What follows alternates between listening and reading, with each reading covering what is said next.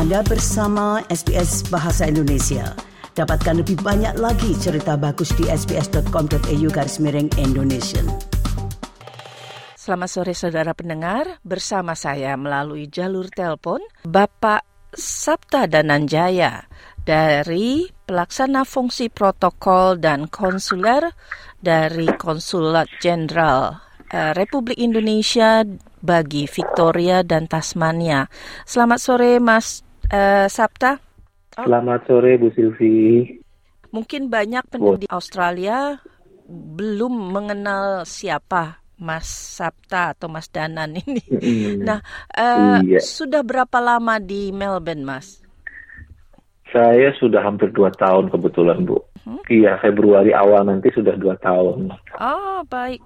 Sebelum ke Australia, hmm? ditugaskan hmm. di mana? Saya kebetulan bertugas sebelumnya di Dhaka, Bangladesh, dua tahun juga di sana.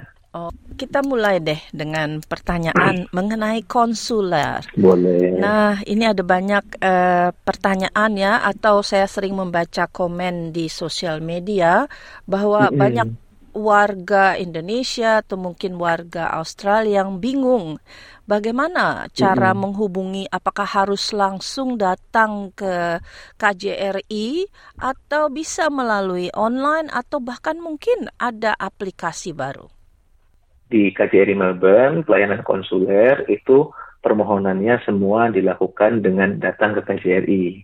Tapi untuk datang itu kan kita perlu waktu ya, nggak bisa semuanya datang di waktu yang bersamaan, jadinya nanti numpuk kan, nggak terlayani semua. Makanya kita buat sekarang mungkin Bapak Ibu yang dulu sudah lama di Melbourne, di Victoria atau Tasmania sudah pernah ada aplikasi appointment dulu. Tapi sekarang uh, kita rombak lagi aplikasinya, kita perbaiki menjadi aplikasi yang baru, di mana bisa milih tanggal, bisa mengajukan permohonan, dan bisa mengisi formulir semuanya online, bisa dari rumah. Jadi nggak perlu capek-capek nulis lagi. Kan dulu masih nulis-nulis tuh, cuma dapat bookingan, kemudian masih harus ngisi formulir online, di-download dulu, di print. Sekarang semua diproses dalam satu aplikasi, langsung tinggal pilih tanggal, langsung isi formulir, kemudian tinggal di-download dan tinggal dibawa sesuai ditambah dengan berkas-berkas persyaratan yang diminta. Okay. Terus persyaratannya di mana? Ada juga di formulir, jadi nggak usah pusing. Oke, okay, baik. Nggak usah capek-capek nyari. Nah, jadi berarti masih tetap harus datang dan iya. kemudian uh, tetapi untuk mempermudah uh, prosesnya semua bisa diisi atau didapatkan formulirnya dan mengetahui syarat-syaratnya itu dari online ya. Betul. Itu di website atau di aplikasi uh, mobile phone misalnya. Ya, jadi ini sebetulnya aplikasi tapi dia web based dan ada juga yang mobile based. Jadi mobile friendly juga untuk dibuka di handphone. Mau dibuka di komputer, mau dibuka di handphone, mau dibuka di tablet, semua sama bisa. Tapi, Jadi nggak harus di-download. Oh, tidak harus download. Iya, nggak harus download aplikasi. Jadi ini bukan aplikasi. Aplikasinya kalau biasa orang-orang IT bilangnya web based. Jadi nanti tinggal dibuka di browser, mau di handphone, di tablet, di komputer sama aja. Tapi itu terkait di uh, situs KJRI ya? KJRI iya. Tapi... Alamatnya di services.kjrimelbourne.com. Oke, diulang lagi boleh? Saya ulang ya. ya. Websitenya services.kjrimelbourne.com.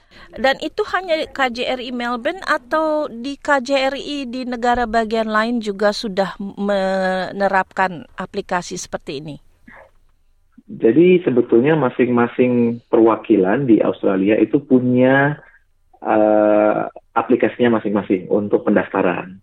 Nah, sekarang memang sedang ada diskusi apakah bisa kita buat jadi satu supaya uh, semua prosesnya bisnis prosesnya sama. Jadi orang di mana pun itu aplikasinya sama. Jadi nggak bingung-bingung lagi. Yang dulu misalkan tinggal di New South Wales daftar ke KJRI Sydney aplikasinya beda kemudian pindah ke Melbourne nanti aplikasinya berbeda kan prosesnya beda lagi. Nah itu kita sedang berdiskusi antar perwakilan apakah memungkinkan dan visible untuk menggabungkan jadi satu aplikasi. Kita pakai bersama supaya orang dari mana pun di Australia bisa daftar dengan mudah dengan prosedur yang sama gitu untuk semua layanan misalnya visa atau paspor hmm. atau mungkin yang lain-lain juga melalui uh, aplikasi yang sama? Betul, semuanya via via aplikasi itu website services mau paspor, uh, konsuler kayak surat keterangan, mau legalisasi untuk surat kuasa misalkan, uh, membuat surat keterangan lahir, surat keterangan perkawinan, itu semua via website semua untuk appointmentnya, untuk isi formulirnya, dan nanti informasi persyaratan di situ semua. Jadi kita pun jadi satu supaya semacam one stop service, nggak usah capek-capek putar-putar ke mana-mana lagi. Baik, apakah sudah sudah mulai diterapkan atau baru rencana nih Pak? Sudah, sudah diterapkan untuk yang aplikasi services. Kita sebetulnya uji cobanya sudah per 18 Agustus tahun lalu 2023 kita uji coba selama kurang lebih 1 sampai 2 bulan termasuk kita juga uh, monitor ketat untuk kalau ada bug, kalau ada problem dengan sistemnya langsung diperbaiki on the spot. Sekarang ini sudah stabil, uh, bisa dipakai. Kalau ada masalah tetap kita monitor, langsung diperbaiki juga. Oke, okay, baik. Nah, Kemudian uh, mengenai visa sekarang kita lebih spesifik. Nah, ada iya. yang saya dengar uh, waktu itu penjelasan dari Bapak bahwa ada beberapa macam visa. Boleh tolong dijelaskan? Jadi ini visa Indonesia ya iya, untuk ya, warga negara asing yang mau ke Indonesia. Memang sekarang Indonesia tuh banyak nih macam visanya dan sekarang juga uh, sudah ada ketentuan visa yang baru juga yang baru disampaikan uh, dari Jakarta. Jadi imigrasi sekarang sedang sudah melakukan uh, perombakan jenis-jenis visa yang diberlakukan di Indonesia. Nah, tapi mungkin yang menarik untuk teman-teman diaspora yang dulu pernah menjadi warga negara Indonesia dan sekarang menjadi warga negara Australia itu adalah skema golden visa nih yang pasti paling menarik buat teman-teman semua. Kenapa? Karena di dalam skema golden visa itu ada skema diaspora bagi WNA ex WNI dan diaspora bagi WNA yang keturunan ex WNI. Inilah yang menjadi daya tarik yang utama bagi teman-teman semua. Nah, kenapa menarik juga? Karena golden visa ini memberikan masa tinggal antara lima tahun atau 10 tahun. Jadi jangka panjang. Sekali dapat visa, nggak perlu pusing-pusing perpanjangan-perpanjangan setiap setahun atau dua tahun, tapi bisa langsung lima tahun, 10 tahun untuk tinggal di Indonesia. Tapi Ini kan boleh, kan menarik ya. Iya, tapi boleh mm -hmm. keluar masuk atau harus menetap di sana selama waktu Tahu saya boleh keluar masuk. Oh, Tahu saya boleh keluar masuk karena nggak mungkin dong lima tahun harus uh, berdiam karena Uh, biasanya visa dengan jangka panjang itu memiliki uh, skema uh, apa namanya multiple entry. Apakah ada dana apa biayanya pak? Biayanya tentu ada. Itu nanti disesuaikan dengan peraturan Menteri Hukum dan Ham.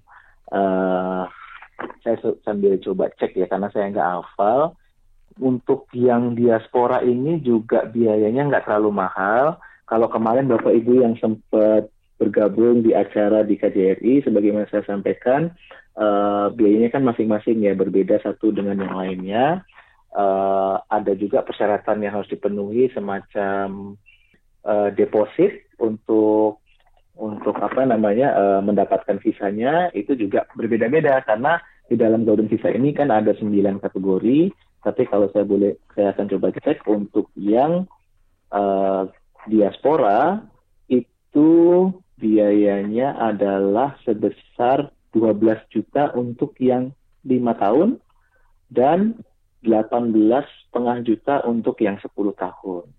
Ketentuannya paling tidak punya uh, komitmen untuk melakukan investasi sebesar 35 ribu US dollar. Oke, okay, baik. Nah, Minimal, itu catchingnya. Iya. baik. Nah, itu catchingnya, iya. Jadi baik. untuk yang ex-WNI itu 35.000 minimal. Kalau untuk yang keturunan uh, diaspora keturunan WNA ex-WNI itu uh, minimalnya 50 ribu. Tidak perlu ada seperti zaman dulu ada kitas atau yang lain itu bagaimana Pak? Kitas juga bisa, jadi sebenarnya opsi, opsional kan. Uh, ketik visa ini kan memberikan jangka waktu yang panjang. Nah, ini pun sebetulnya nanti akan diberikan kitas setelah uh, 90 hari. Jadi visa ini nanti sifatnya langsung langsung diberikan dalam sebagai izin tinggal sementara yang lima tahun dan 10 tahun itu. Pak Sabta sudah menjelaskan ada sembilan jenis ya, bisa mungkin yeah. sosial, kunjungan atau mungkin bisnis dan lain-lain. Untuk visa bagi turis itu masih berlaku ya, seperti biasa ya, visa masih, on arrival. Masih. Kemudian kalau untuk warga, misalnya warga Australia bukan uh, diaspora. Hmm dan iya. ingin berbisnis atau ingin tinggal di sana itu seperti mm -hmm. kitas begitu lagi kembali sama. Iya, iya. Golden visa itu nanti hasilnya adalah tidak seperti visa turis yang berlakunya uh, sekali pakai langsung selesai, tapi dia diberikannya dalam bentuk izin tinggal. Mereka-mereka yang memasuki sembilan kategori tadi, termasuk ada investasi individu, investasi pendirian perusahaan, itu semua masuk ke situ. Mau berinvestasi, warga negara asing bisa masuk, nggak harus yang uh, diaspora tadi. Nah, hmm. sekarang kita kembali ke Australia nih Pak. Nah, bagaimana Boleh. dengan warga Indonesia yang beku, mm-hmm. berkunjung atau mungkin uh, banyak saat ini working holiday visa?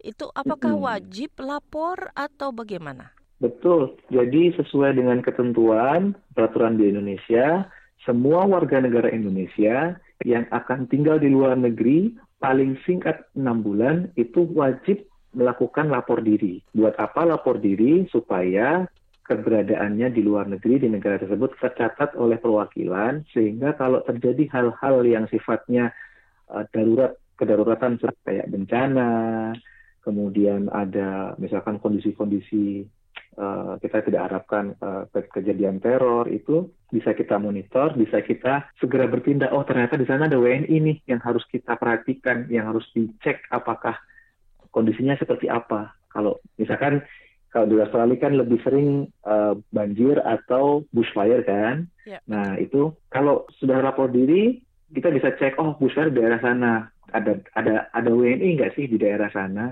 berapa banyak WNI-nya gitu kita bisa monitor dari situ. Sekarang hmm. kalau misalnya orang ini berlibur uh, mungkin hanya hmm. sendiri dan mengalami yeah. kecelakaan atau ada penyakit tiba-tiba harus dirawat uh, di rumah sakit. Nah itu ya. kira-kira uh, apa yang dapat diberikan bantuan seperti apa Pak dari konsulat?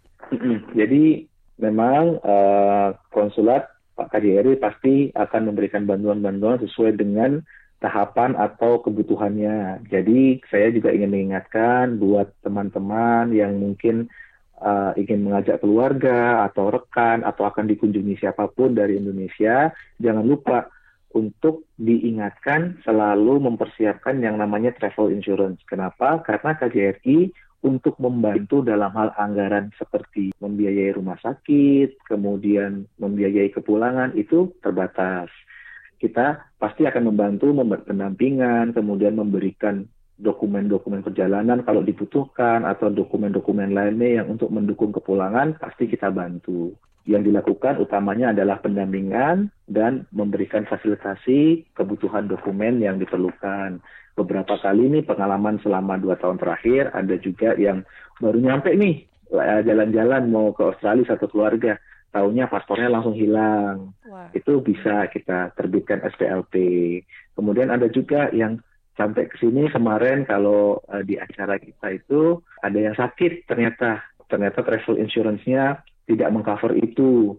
Jadinya kita tetap bantu bagaimana caranya supaya menegosiasikan dengan pihak rumah sakit uh, bagaimana agar yang bersangkutan bisa meminimalisir biayanya karena kan semakin lama di sini semakin mahal biayanya. Betul.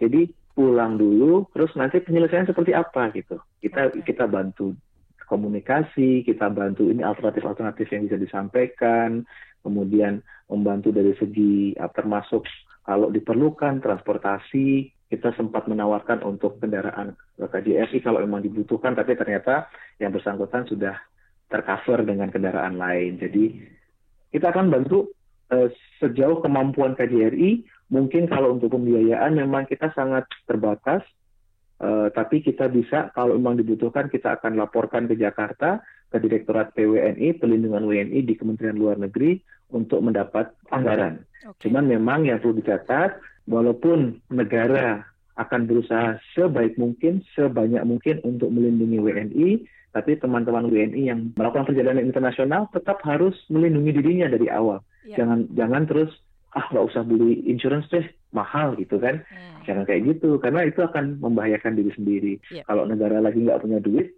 kasihan dong nanti nggak nggak ada yang bisa bantuin gitu. Kemudian terakhir ini, bagaimana dengan ya misalnya ada warga uh, Indonesia, negara Indonesia yang ya. berada di Australia dan terlibat kasus hukum. Ini juga sudah ada beberapa kasus di dua tahun terakhir juga, walaupun nggak banyak. KJRI akan kita akan melihat. Jadi proses pemberian pelindungan itu dilihat tingkatannya, kemudian prioritas skala prioritasnya. Kita lihat kemampuan dari WNI-nya sendiri seberapa jauh, karena kan beda-beda. Ada yang dari keluarga mampu dengan kondisi finansial yang baik, ada yang dari keluarga yang kurang mampu, kurang beruntung. Jadi kita lihat itu dari segi anggaran sendiri kita sebetulnya sudah menyiapkan anggaran untuk menyewa lawyer, tapi anggaran ini biasanya kita prioritaskan bagi kasus-kasus yang mungkin ada uh, mengancam jiwa atau hukumannya tuh sangat besar. Misalkan hukuman mati atau hukuman seumur hidup, nah itu baru kita gunakan anggaran ini. Kalau tidak, uh, bagi mereka kita akan lakukan pendampingan, kita akan berikan arahan-arahan apa yang harus dilakukan. Kenapa?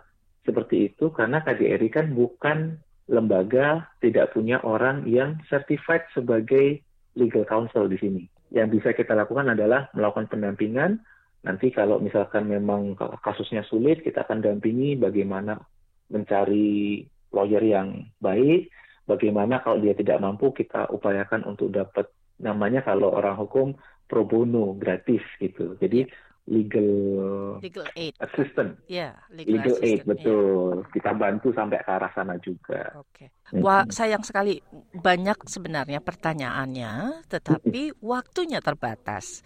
Baiklah, terima iya. kasih banyak Pak Sabta. Semoga Sama-sama, sukses dengan tugas-tugasnya di terima Victoria. Kasih. Anda ingin mendengar cerita-cerita seperti ini? Dengarkan di Apple Podcast, Google Podcast, Spotify, atau di mana pun Anda mendapatkan podcast Anda.